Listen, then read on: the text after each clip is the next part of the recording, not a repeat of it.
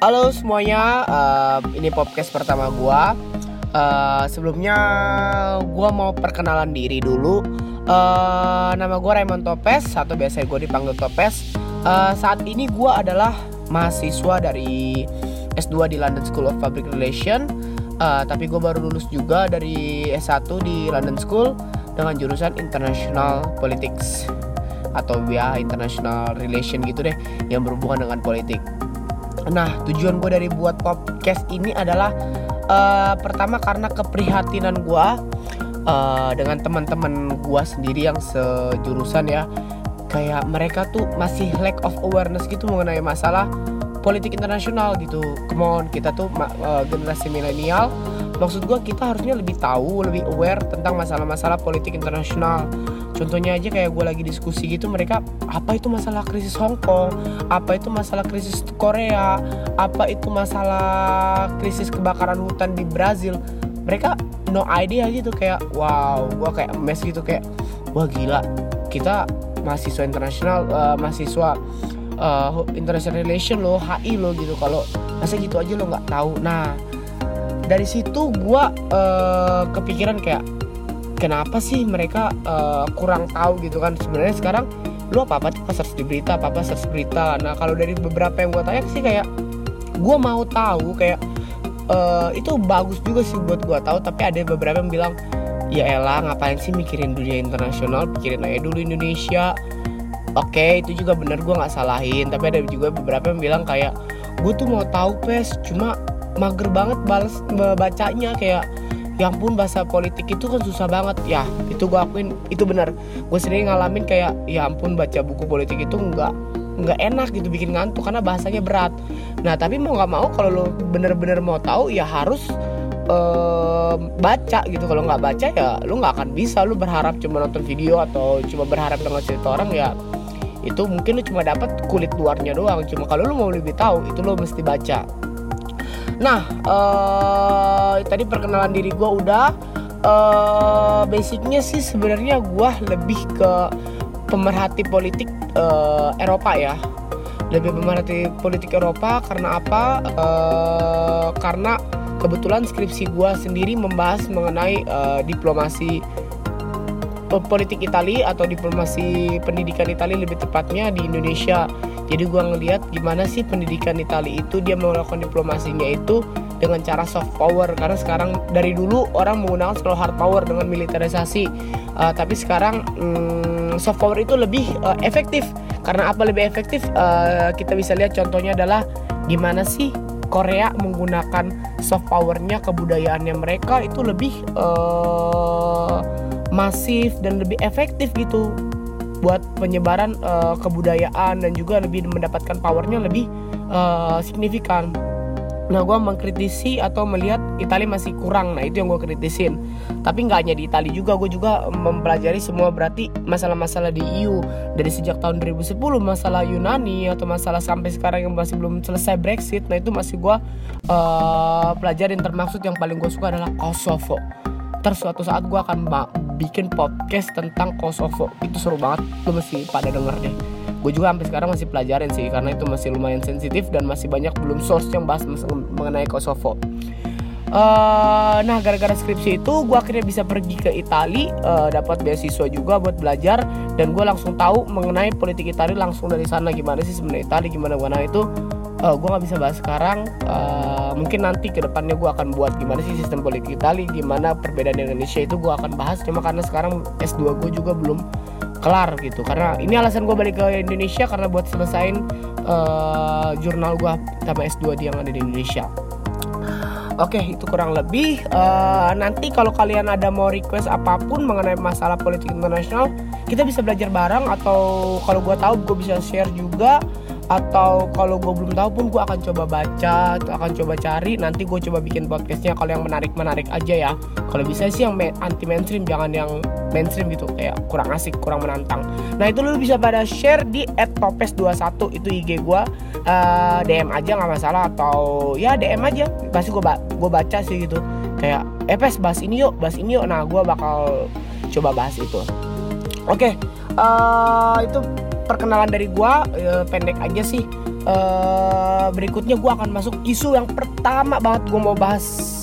Berarti gila ini isu ini paling spesial dong ya karena paling pertama gue mau bahas. Ya ini recent ini atau baru-baru ini terjadi sih. Kalau kalian pada dengar masalah kebakaran hutan di Brazil. Wow kayak ini isu yang paling panas panas banget gitu. Saking panasnya sampai kebakar. Nah apa sih dampaknya buat Indonesia? Apa sih dampaknya buat dunia? Itu yang pertama. Oke yang pertama mesti kita tahu adalah hutan Amazon ini bukan hutan sembarang hutan gitu. Jadi bukan cuma ya hutan-hutan biasa aja. Uh, bisa dibilang ini adalah salah satu paru-paru dunia. Uh, kita bernafas menggunakan uh, dengan O2 oksigen. Nah di Amazon ini mereka adalah penghasil oksigen uh, salah satu bisa dibilang terbesar. Salah satu penghasil oksigen terbesar yang uh, menyuplai oksigen yang ada di dunia ini. Jadi dari situ udah jelas kenapa bermasalah. Ya kalau nggak ada oksigen kalau nggak ada Amazon habis kita mau bernapas sebagai apa? Gitu. Nggak ada lagi hutan di dunia ini yang sebesar Amazon. Kalau kalian mau tahu Amazon itu besarnya itu besar sekali karena dia tercover di 9 negara jadi di daerah Amerika Latin itu dia terdiri di, di tersebar di 9 negara bayangin 9 negara itu sebesar apa itu hutan ya walaupun 90% sebenarnya dimiliki Brazil makanya bisa dibilang uh, Amazon itu adalah hutan uh, Brazil gitu. Nah, di beberapa bulan terakhir ini terjadi kebakaran besar yang terjadi di Brazil. Kalau kita bisa ngambil data dari Institute for Space Research Brazil, dalam satu minggu, nah hanya satu minggu tujuh hari loh, terjadi 9.000 kebakaran yang ada di Amazon. Itu meningkat sekitar 80% lebih dari jumlah tahun lalu. Nah ini bukan masalah yang kayak masalah oh ya udah kebakaran coba gitu doang enggak. Jadi kebakaran ini nyebar nyebar nyebar nyebar dan ini salah satu kebakaran yang terbesar yang pernah ada di Brazil. Jadi ini merupakan salah satu concern masalah uh, buat masalah dunia gitu, buat masalah politik internasional ini salah satu yang berpengaruh gitu. Karena ini jatuhnya jadi masalah kasus lingkungan hidup. Ya nantinya akan ma masalah uh, Paris Agreement atau apa nanti itu akan berkaitan satu sama satu sama lain gitu kan. Tokohnya siapa sih sekarang yang paling berpengaruh?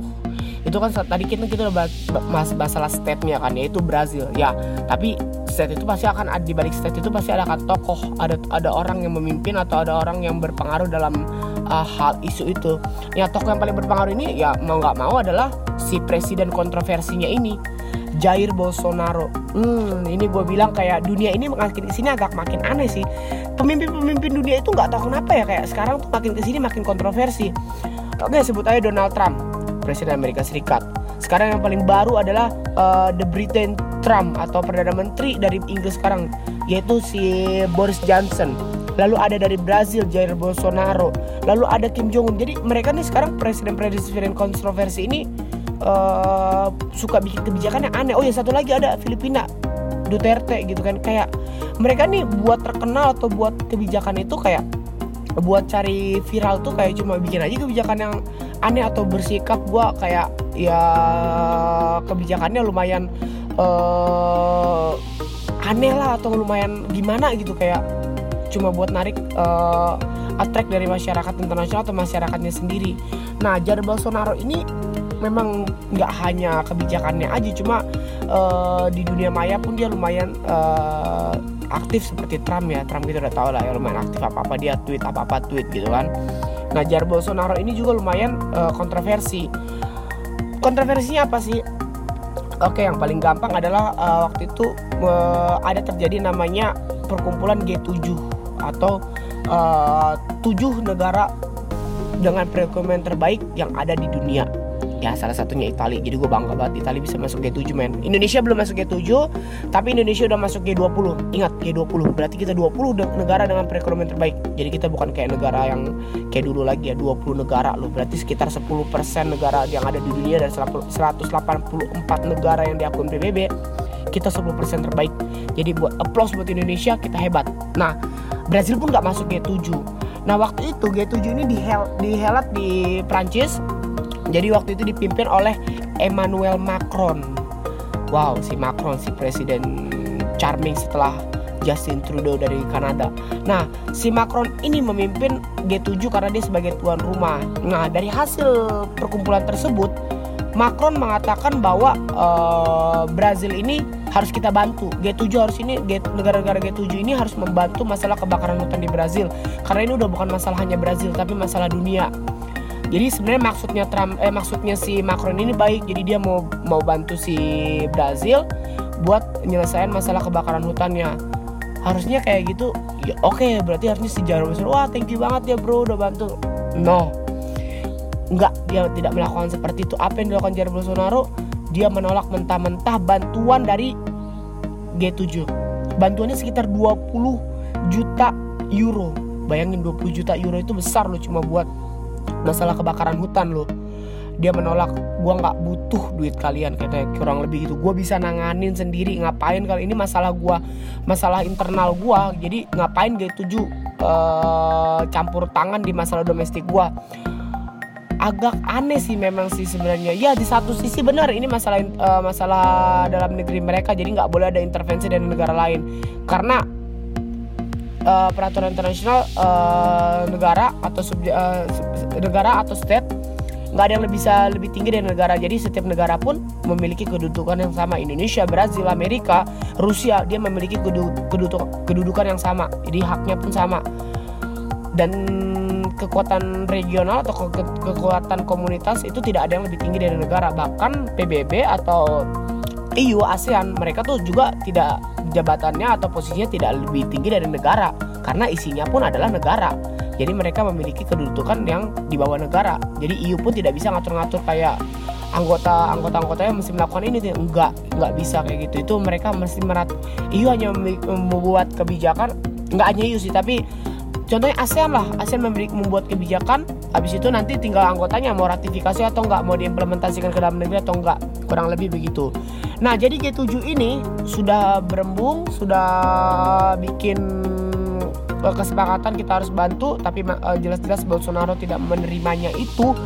Bahkan ada statement yang cukup uh, sensitif yang dilontarkan oleh pihak Brazil. Jadi mereka itu uh, dari pihak Brazil uh, mengatakan bahwa Ngapain Prancis bantu-bantu masalah kebakaran hutan? Toh, mereka tidak bisa mengantisipasi kebakaran yang ada terjadi di Notre Dame. Jadi mereka mau ngasih mau ngasih pembelajaran kebakaran apa sama kita? Jadi kayak Notre Dame lo aja kebakaran, terus lu mau sosok ngajarin masalah kebakaran sama gua gitu kayak kayak Brazil tuh mau ngomong kayak gitu kayak ngeledeknya seperti itu nah dari situlah mulai tensi antara Jair Bolsonaro dengan Emmanuel Macron semakin uh, sensitif nah tapi makin ke sini tuh masalahnya bukan hanya masalah antar antar negara aja atau antar politik aja tapi semakin masuk ke masalah personal. Jadi waktu itu di Twitter lagi heboh-hebohnya masalah ini uh, panas-panasnya Bolsonaro dengan uh, Macron. Terus ada yang membandingkan masalah uh, kecantikan Michelle Bolsonaro atau sebagai si istrinya si Jair Bolsonaro dengan Brigitte uh, Macron ya kalau kalian tahu Macron ini menikah dengan uh, mantan dosennya sendiri waktu di kuliah. Ya, mereka terpaut umur 24 tahun. Jadi Brigitte Macron ini lebih tua 24 tahun dari Macron. Dan ini enggak enggak cuma sekarang aja gitu waktu Macron juga masih mau mencalonkan presiden ya ini lumayan uh, isunya lumayan tinggi gitu. Jadi Macron uh, punya nanti Prancis akan mempunyai ibu negara yang lebih tua dari presidennya 24 tahun gitu. Kayak apa sih gitu. Ya itu balik lagi ke personal sih. Nah jadi Jair Bolsonaro ini menyerang isu-isu personal seperti itu. Nah ini membuat Macron juga marah kayak tapi Macron uh, menjawab ini secara diplomatis kayak dia udah udah tahu masalah ini udah udah, udah tahu disinggung seperti itu dengan dari pihak Brazil tapi dia cuma bilang uh, statement diplomatis kalau uh, sebenarnya saya sangat disayangkan sebagai pemimpin Brazil berkata demikian uh, saya rasa pemimpin uh, rakyat Brazil ke depannya akan mendapatkan pemimpin yang lebih baik. Ya seperti itu aja statement Macron. Jadi dia tidak uh, terpancing emosinya. Jadi dia lebih menetralkan suasana. Ya itu salah satu hal yang baik dari Macron dan salah satu contoh yang baik dari presiden. Mungkin kalau Jair Bolsonaro melakukan itu kepada Trump ya mungkin beda lagi uh, kondisinya tetapi masalahnya Trump ini temennya sama si Bolsonaro jadi mereka ini bisa dibilang adalah popul, uh, pop, bagian sayap kanan atau orang-orang yang tidak percaya mengenai uh, global warming. Trump ini adalah orang yang sangat tidak percaya akan global warming. Jadi global warming itu sebenarnya buat dia tuh nggak ada. Jadi itu cuma hanya adalah fakta, fakta kebohongan sementara buat dia. Makanya dia tuh temenan baik sama Jair Bolsonaro. Nah Jair Bolsonaro ini juga orang yang nggak percaya masalah uh, kebakaran uh, masalah global warming. Jadi buat dia tuh cuma hoax hoax atau bohong-bohong aja. Nah itu mengenai hubungan Trump dengan si Jair Bolsonaro. Nah tadi balik lagi ke masalah G7. Jadi begitu G7 ditolak, abis itu dampaknya berentet nih. Nah setelah G7 ditolak masalah sumbangannya, abis itu mem melakukan action berikutnya adalah Norway dengan Jerman. Norway dengan Jerman memiliki budget sekitar 60 juta euro itu untuk uh, penjagaan atau um, mereboisasi hutan yang ada di Brazil. Nah itu di stop karena masalah kebakaran hutan ini. Karena mereka melihat Jair Bolsonaro ini tidak uh, ada di pihak mereka. Karena Jair Bolsonaro ini salah satu orang yang radikal begitu dia uh, menjabat presiden Amerika uh, presiden Brazil. Jadi dia tuh memecat salah satu uh, menteri lingkungan hidup yang sangat uh, menjaga Amazon hutan Amazon. Terus dia memangkas juga hutan buat uh, memangkas dana untuk penjagaan hutan Amazon. Jadi dia melakukan hal-hal yang ekstrim uh, dalam penjagaan hutan uh, hutan Amazon karena Bolsonaro kenapa Bolsonaro melakukan hal itu karena Bolsonaro uh, berpendapat kalau hutan Amazon ini memiliki sumber daya alam yang sangat banyak jadi kena daripada cuma diam kayak gitu nggak ada yang diolah nah ini bisa diolah hutan Amazon ini dan, dan dari hasil hutan pengelolaan hutan Amazon ini itu bisa dibuat lagi uh, bikin Brazil bangkit dari krisis ekonomi. Karena saat ini Brazil itu dari uh, baru terpuruk dan salah satu bukan hanya Brazil sih lebih tepatnya di Amerika Latin mereka terjadi banyak krisis uh, krisis ekonomi dan krisis geopolitik juga kita bisa lihat kayak apa yang terjadi di Argentina apa yang terjadi di Kolombia jadi itu sekarang lagi uh, geopolitik ya kurang lebih kayak waktu Arab Spring lah ini bisa dibilang Amerika Latin sekarang lagi masalah politik dan ini juga berpengaruh. Nah Jair Bolsonaro berpendapat kalau mereka bisa ngolah Amazon ini mereka bisa dapat banyak duit, habis itu mereka bisa buat duitnya itu buat uh, ekonomi mereka bangkit. Nah itu terbukti ketika dia melakukan banyak pembakaran hutan untuk industri uh, minyak karena ada di kita bisa lihat uh, dicek juga kalau masyarakat asli Amazon baru saja memenangkan uh, gugatan mereka kepada salah satu uh, perusahaan oil yang ingin mencaplok wilayah yang ada di hutan Amazon. Jadi masyarakat Waorani itu adalah masyarakat yang menempati hutan Amazon memenangi gugatan tersebut. Dan itu juga salah satunya dibantu oleh Leonardo Caprio, salah satu ambasador buat masalah lingkungan hidup.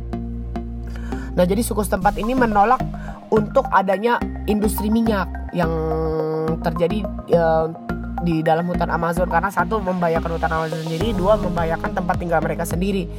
Nah, karena itu gugatan itu dimenangi oleh suku hutan suku Amazon asli atau suku Waorani, uh, Jair Bolsonaro mikir kalau wah gila ini gua kalah nih. Nah, dia harus melakukan tindakan yang ekstrim karena kalau sampai usaha minyak ini gagal, ya berarti dia nggak ada nggak bisa Brazil nggak bisa dapat duit banyak atau ya udah mereka nggak dapat duit dari penghasilan dari mana lagi? Karena dia melihat potensinya besar kalau di industri minyak.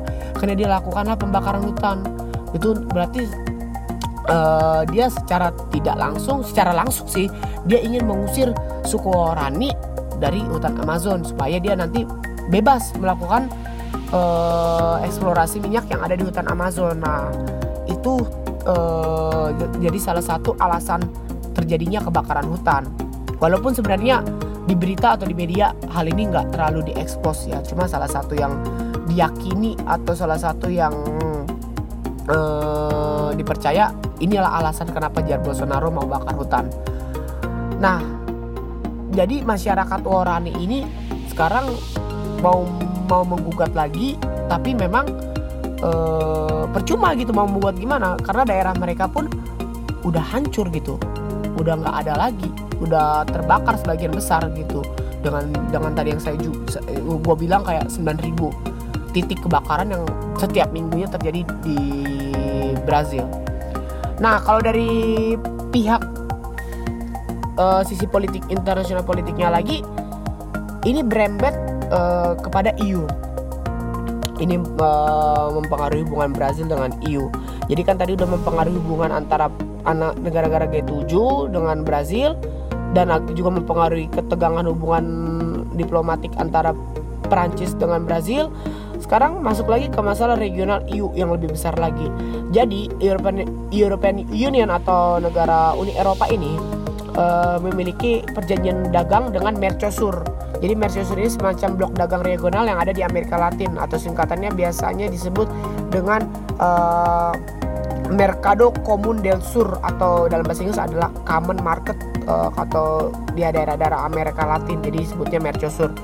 Jadi EU rencananya akan meng membekukan beberapa trade dengan Mercosur. Nah ini justru akan merugikan buat uh, pihak Brazil karena kita tahu EU ini bukan hanya satu negara, bukan hanya Prancis atau Italia. Jadi banyak negara. Jadi kalau mereka memiliki uh, hubungan trade dan dibukukan ini tentunya akan merugikan dari pihak Brazil lebih banyak gitu. Nah, jadi uh, Jair Bolsonaro ini juga belum ada sampai sekarang belum ada lagi uh, langkah ekstrim atau langkah gila apa yang akan dia lakukan karena kita juga masih menunggu uh, kebakaran hutannya reda.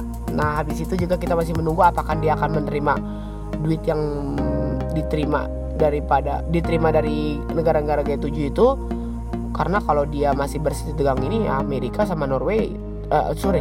Uh, Jerman sama Norway juga akan membukukan budget yang 60 juta uh, euro per tahun untuk uh, menjaga hutan Amazon. Jadi dia akan dirugikan banyak lagi. Jadi udah nggak dapat dari G7 terus yang mas yang dana yang tiap tahun dikirim sama Jerman sama Norway juga uh, dibekukan kalau buat Norway sendiri hutan Amazon itu sangat penting ya. Sebenarnya bukan Norway aja sih sebenarnya negara-negara Skandinavia. Negara-negara Skandinavia itu bisa disebut kayak Swedia Norway habis itu Finlandia. Kenapa sih penting sekali hutan Amazon buat mereka?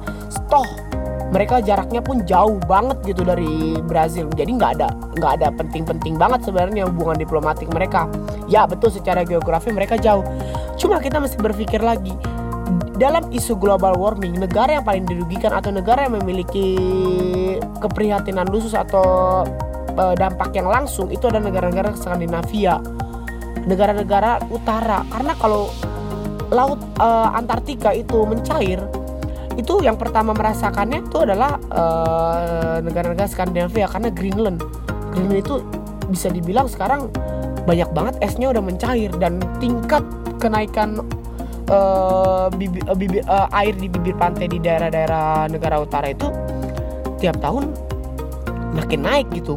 Makanya mereka bingung kenapa si Trump ini nggak pernah percaya kalau uh, perubahan iklim itu nyata itu bukan cuma bohong-bohongan. Jadi mereka melihat kalau kayak perubahan iklim ini sangat nyata. Dan mereka juga ingin hmm, Amazon ini terjaga. Karena kalau Amazon terjaga berarti iklim itu juga terjaga. Dan mereka akan juga mereka akan survive jadi mereka akan tidak berbahaya. Kita bisa lihat deh bukti nyata kayak di daerah-daerah uh, Samudra Pasifik Nauru, Vanuatu, Fiji itu mereka udah di ujung ambang. Bahkan bisa diprediksi kayak Nauru itu sekitar 20 tahun lagi 10 tahun 10 sampai 20 tahun lagi udah nggak ada. Ya kalau dari pihak Italia Venesia juga sebenarnya uh, sekarang terancam nggak ada lagi sih diprediksi 50 tahun lagi kita udah nggak bisa lihat Venesia nah itu adalah contoh secara nyata. Jadi perubahan iklim itu nggak sebenarnya cuma bohong-bohongan aja atau uh, diada-adain aja buat uh, isu internasional atau buat kepentingan politik. Nggak itu adalah nyata. Jadi uh, eh, gue harap sih sebenarnya kalau dari salah satu mahasiswa pemerhati isu politik internasional ya semoga Jair Bolsonaro hatinya uh, terbuka mau terima bantuan dari negara-negara G7 dan juga dia mau uh, kebakaran hutan di Brazil itu uh, cepat teratasi gitu dan ke depannya lakukanlah uh, deforest atau penanaman kembali buat pem, pem, pem, membuat hutan Amazon ini lebih bagus lagi. Karena ini bukan hanya buat Brazil tapi ini adalah menyangkut uh, uh, kelangsungan hidup bumi ini.